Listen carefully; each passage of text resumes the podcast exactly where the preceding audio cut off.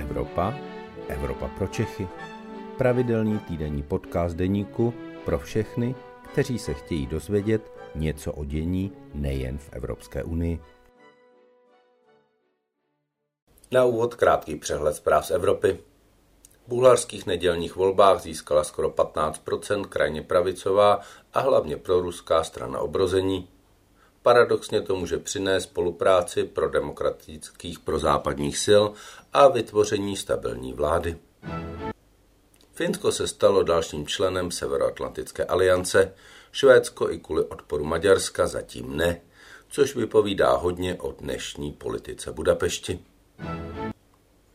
Polští zemědělci protestují proti dovozu levného ukrajinského obilí do Evropské unie a žádají ukončení otevření evropského trhu pro ukrajinské potravinářské zboží.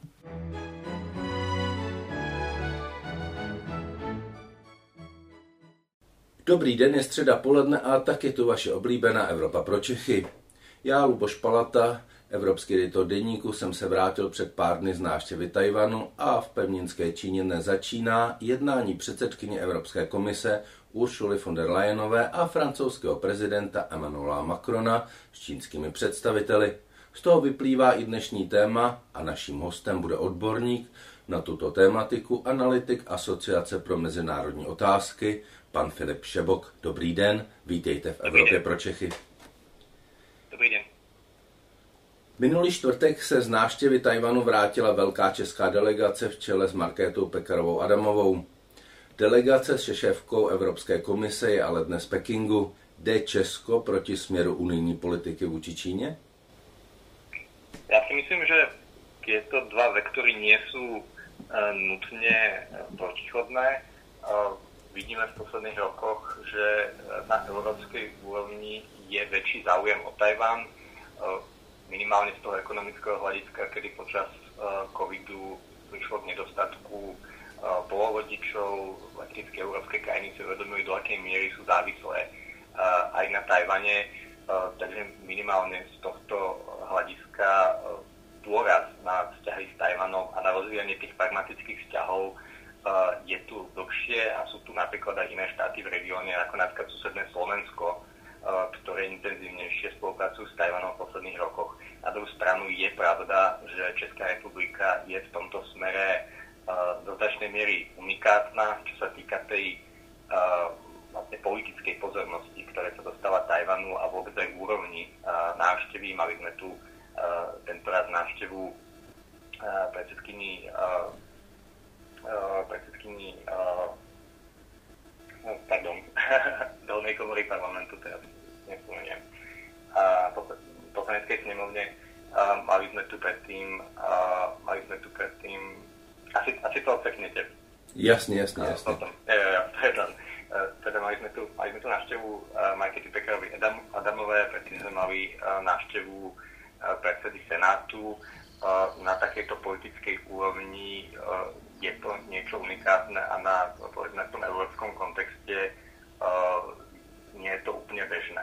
Takže v tomto Česká republika je určite uh, jedinečná a trochu vytrča z radu. Uh, na druhej strane v, tej, v tom čínskom vektore Česká republika teraz vôbec nie je aktívna a zdá sa, že česká zahraničná politika očividne nebude zdôrazňovať vzťahy s Čínou, zatiaľ čo v niektorých kľúčových európskych štátoch a videli sme v posledných mesiacoch nielen túto návštevu teraz francúzského prezidenta Macrona, ale návštevu španielského premiéra, predtým návštevu nemeckého kancelára, plánuje sa návšteva talianskej premiérky, je tam snaha nejako potom vlastne prerušení vzťahov spojenému s, COVID, s covidom, ale celkovo nejakú zhoršenie vzájomných vzťahov kvôli rôznym faktorom tie vzťahy znova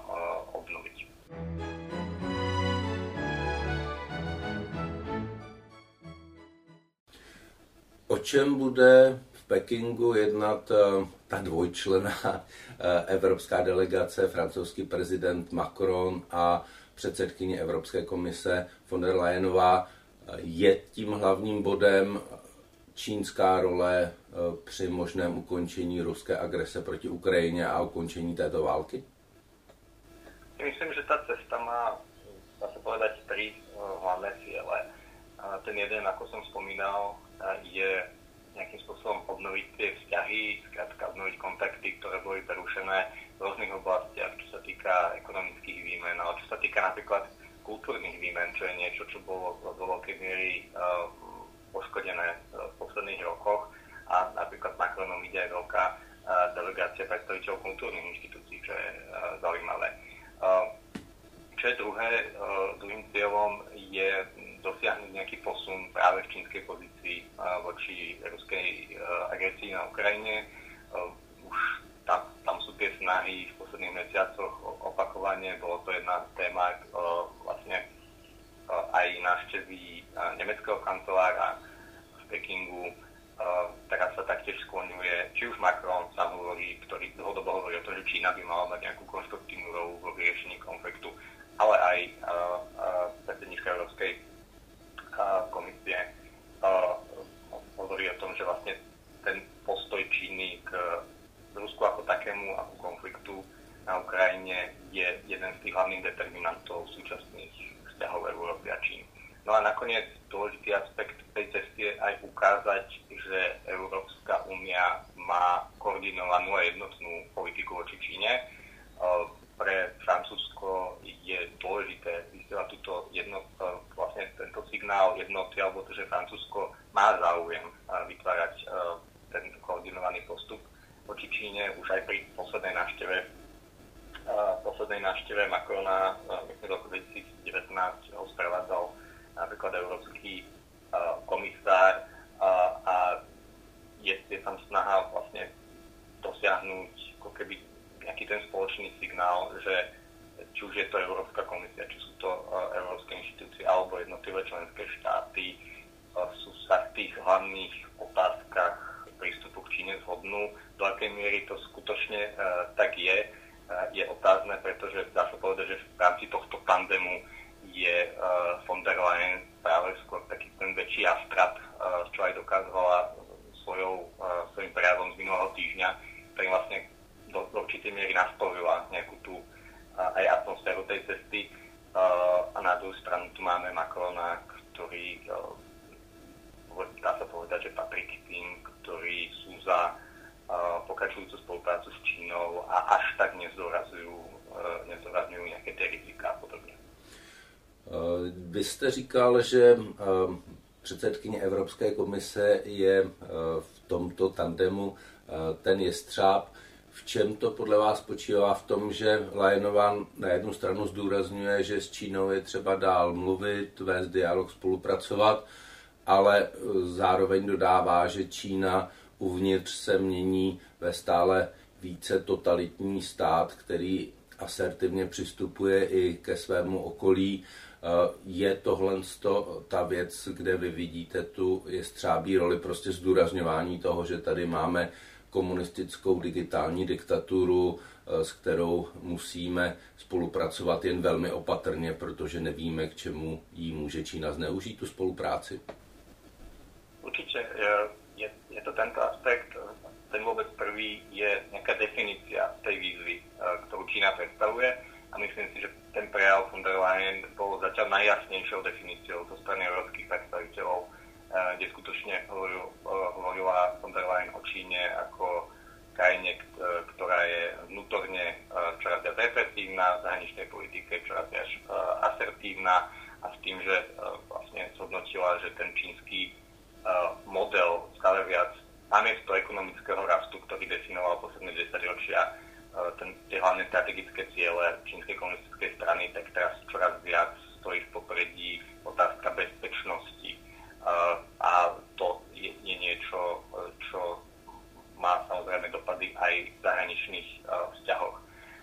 A čo je ešte najdôležitejšie, tak vlastne tvrdí, že Čína má nejaké ambície systémovo zmeniť ten súčasný svetový rád, čo samozrejme má potom implikácie voči tomu, ako sa má vôbec Európska únia stavať voči Číne ako také, či je Čína skôr partnerom alebo rivalom v tomto kontexte. A samozrejme,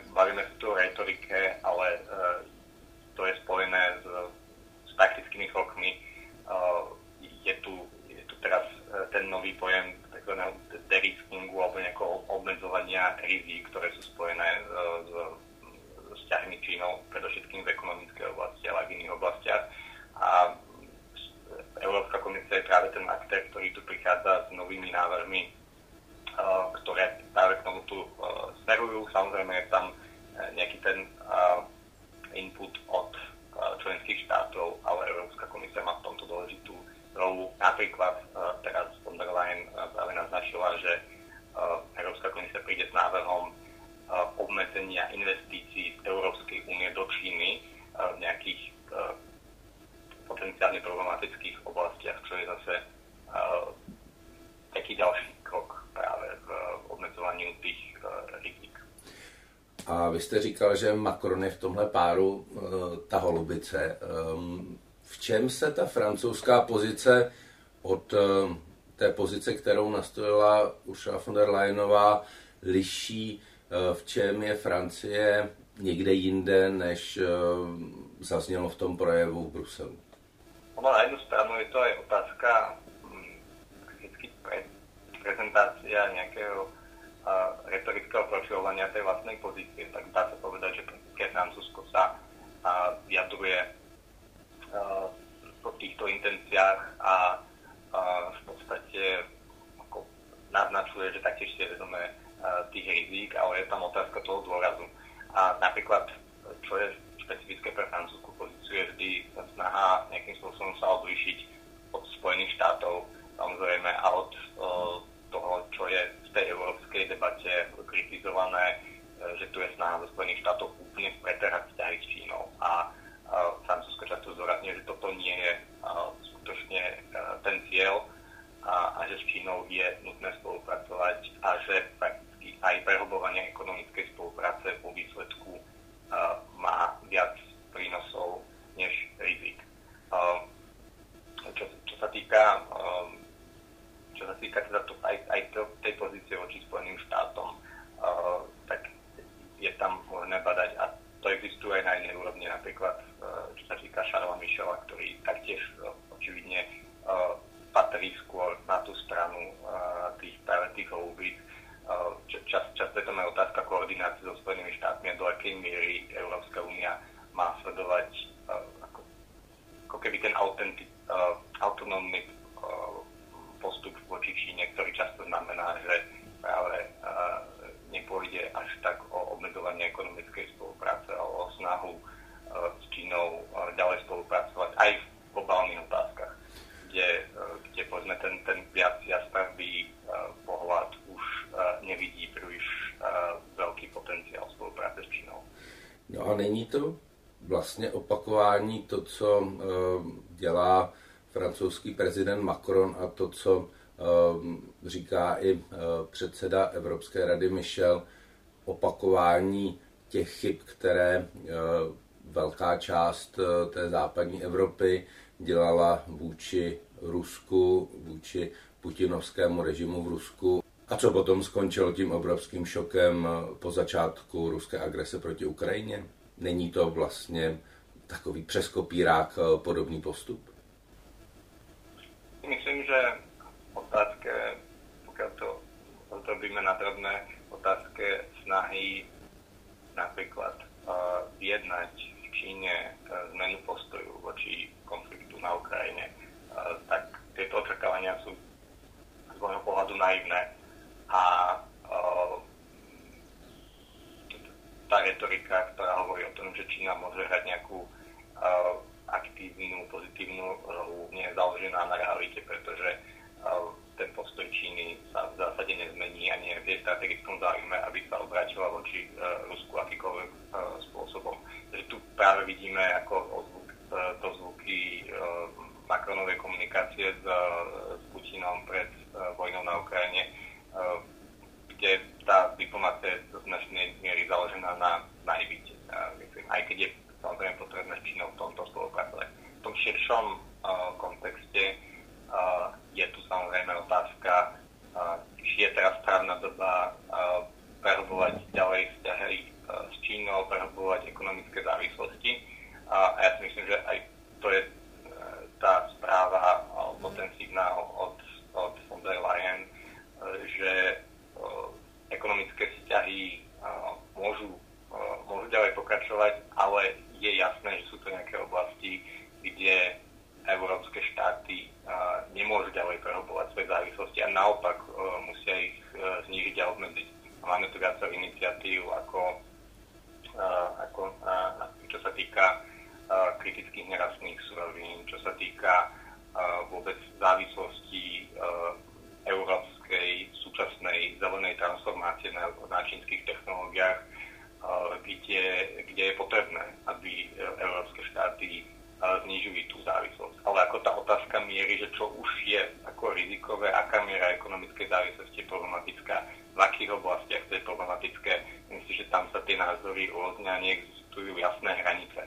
A, a dá sa povedať, že práve, práve francúzsky prezident Macron bude zastanca toho, povedzme, voľnejšej a, definície a, tých vzťahov a tí, ktorí, ktorí vnímajú Čínu vo výsledku ako, a, ako štát, s ktorým nutne, povedzme, ktorý, ako deterministicky nejakým spôsobom prídeme do konfliktu, a, tak a, z tohto pohľadu a, samozrejme akékoľvek prehlbovanie vzťahov s Čínou v ekonomickej oblasti a, a nedáva zmysel. Ale tie vzťahy sú dnes ako veľmi komplexné. Čína je veľký dôležitý obchodný partner pre Európsku úniu, takže to je niečo, čo akékoľvek ako zmena nastavenia tých ekonomických vzťahov, to je niečo, čo bude trvať dlhé roky a teraz samozrejme nie je v Európskej únii nejaký apetít po pretrhaní vzťahov s Ruskom a dopadoch energetickej krízy a tak ďalej a tak ďalej zase toto skúšať s Čínou.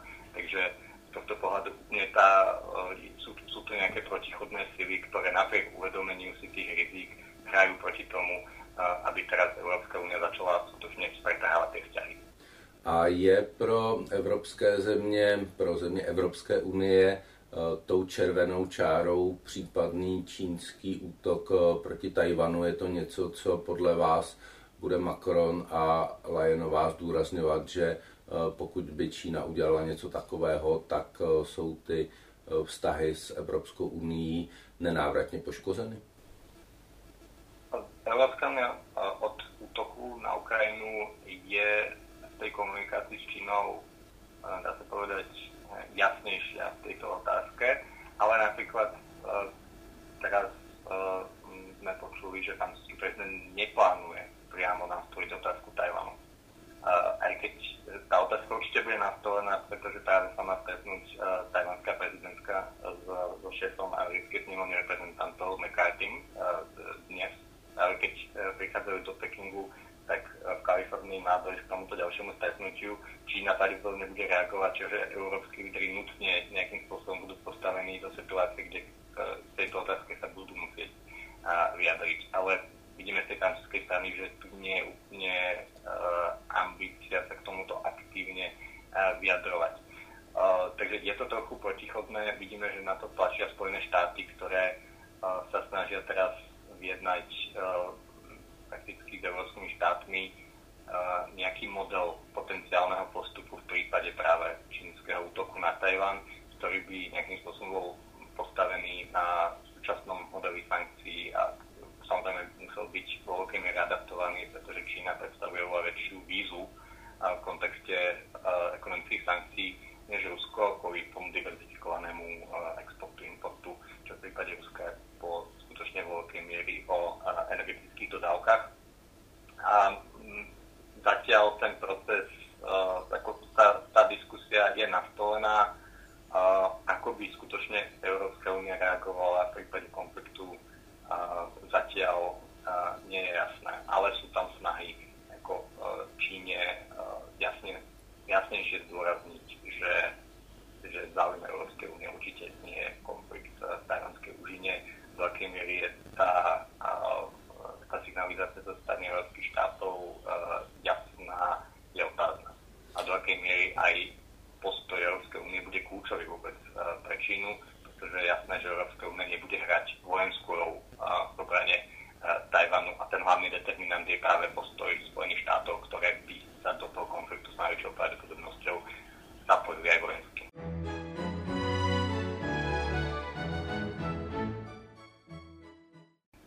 Spojené státy se snaží zorganizovat něco, co by se dalo nazvat globální spoluprácí světových demokracií. Je to něco, co bere Evropa a velké evropské státy vážně? Má to naději na úspěch? Myslím si, že v evropskom kontexte nie je táto retorika demokracii versus autokracii vždy braná úplne ako šťastná a vo výsledku a, užitočná a, pre ciele, a, pre ciele západných štátov, štátov a, a európskych štátov, a, pretože prakticky a, vo výsledku a, vytvára, ako príliš polarizuje a, aj tie, tie globálne partnerstva, ktoré, ktoré vytvárajú evropské štáty. Čili, čili, aby jsme to přeložili, prostě evropské státy chtějí obchodovat i s autokraciemi a nechtějí si přetrhat ty velmi silné obchodní vazby a tohle by jim v tom bránilo? Myslím že aj tá americká retorika nie je úplne um, dôsledná v kontexte rozvíjania vzťahov len s demokratickými zemiami. Ono je to uh, ale je to skrátka snaha nejakým spôsobom rámcovať globálnu politiku v týchto ako uh, bipolárnom, bipolárnom kontexte, ale tá realita je taká, že prakticky uh, reálna zahraničná politika sa týmto rozdelením úplne neriadí. Takže vo výsledku to nie je príliš nie, nie je to príliš, nemá, nemá to príliš praktickú um, praktický význam, pretože to skôr antagonizuje niektoré štáty, ktoré sa povedzme na, na, ocitnú na druhej strane uh, tohto rozdelenia. Ale ako na to sú samozrejme uh, tiež uh, odlišné názory. Práve Európska únia taktiež má pochopiteľne ambíciu uh, hrať, uh, aby hodnoty hrali dôležitú rolu zahraničnej politike, ale povedzme chce uh, hrať viac normatívnu rolu, ako niekoho, kto nastavuje tie štandardy, a, než ako keby vytvárať nejaké jasné bloky a, ako my proti nim. My jsme se dostali na konec našeho podcastu. E, návštěva e, v Číně teprve začala. Uvidíme, jaké budou její výsledky a uvidíme, jak se bude dál vyvíjet dění i e, kolem Tajvanu. Takže my se s analytikem Asociace pro mezinárodní otázky Filipem Šebokem neslyšíme určitě naposledy. Já moc děkuji za vaši účast a těším se brzy naslyšenou. Děkujem. To byl podcast Evropa pro Čechy. Příští díl poslouchejte opět ve středu ve 12 hodin. Naslyšenou se s vámi těší váš Luboš Palata.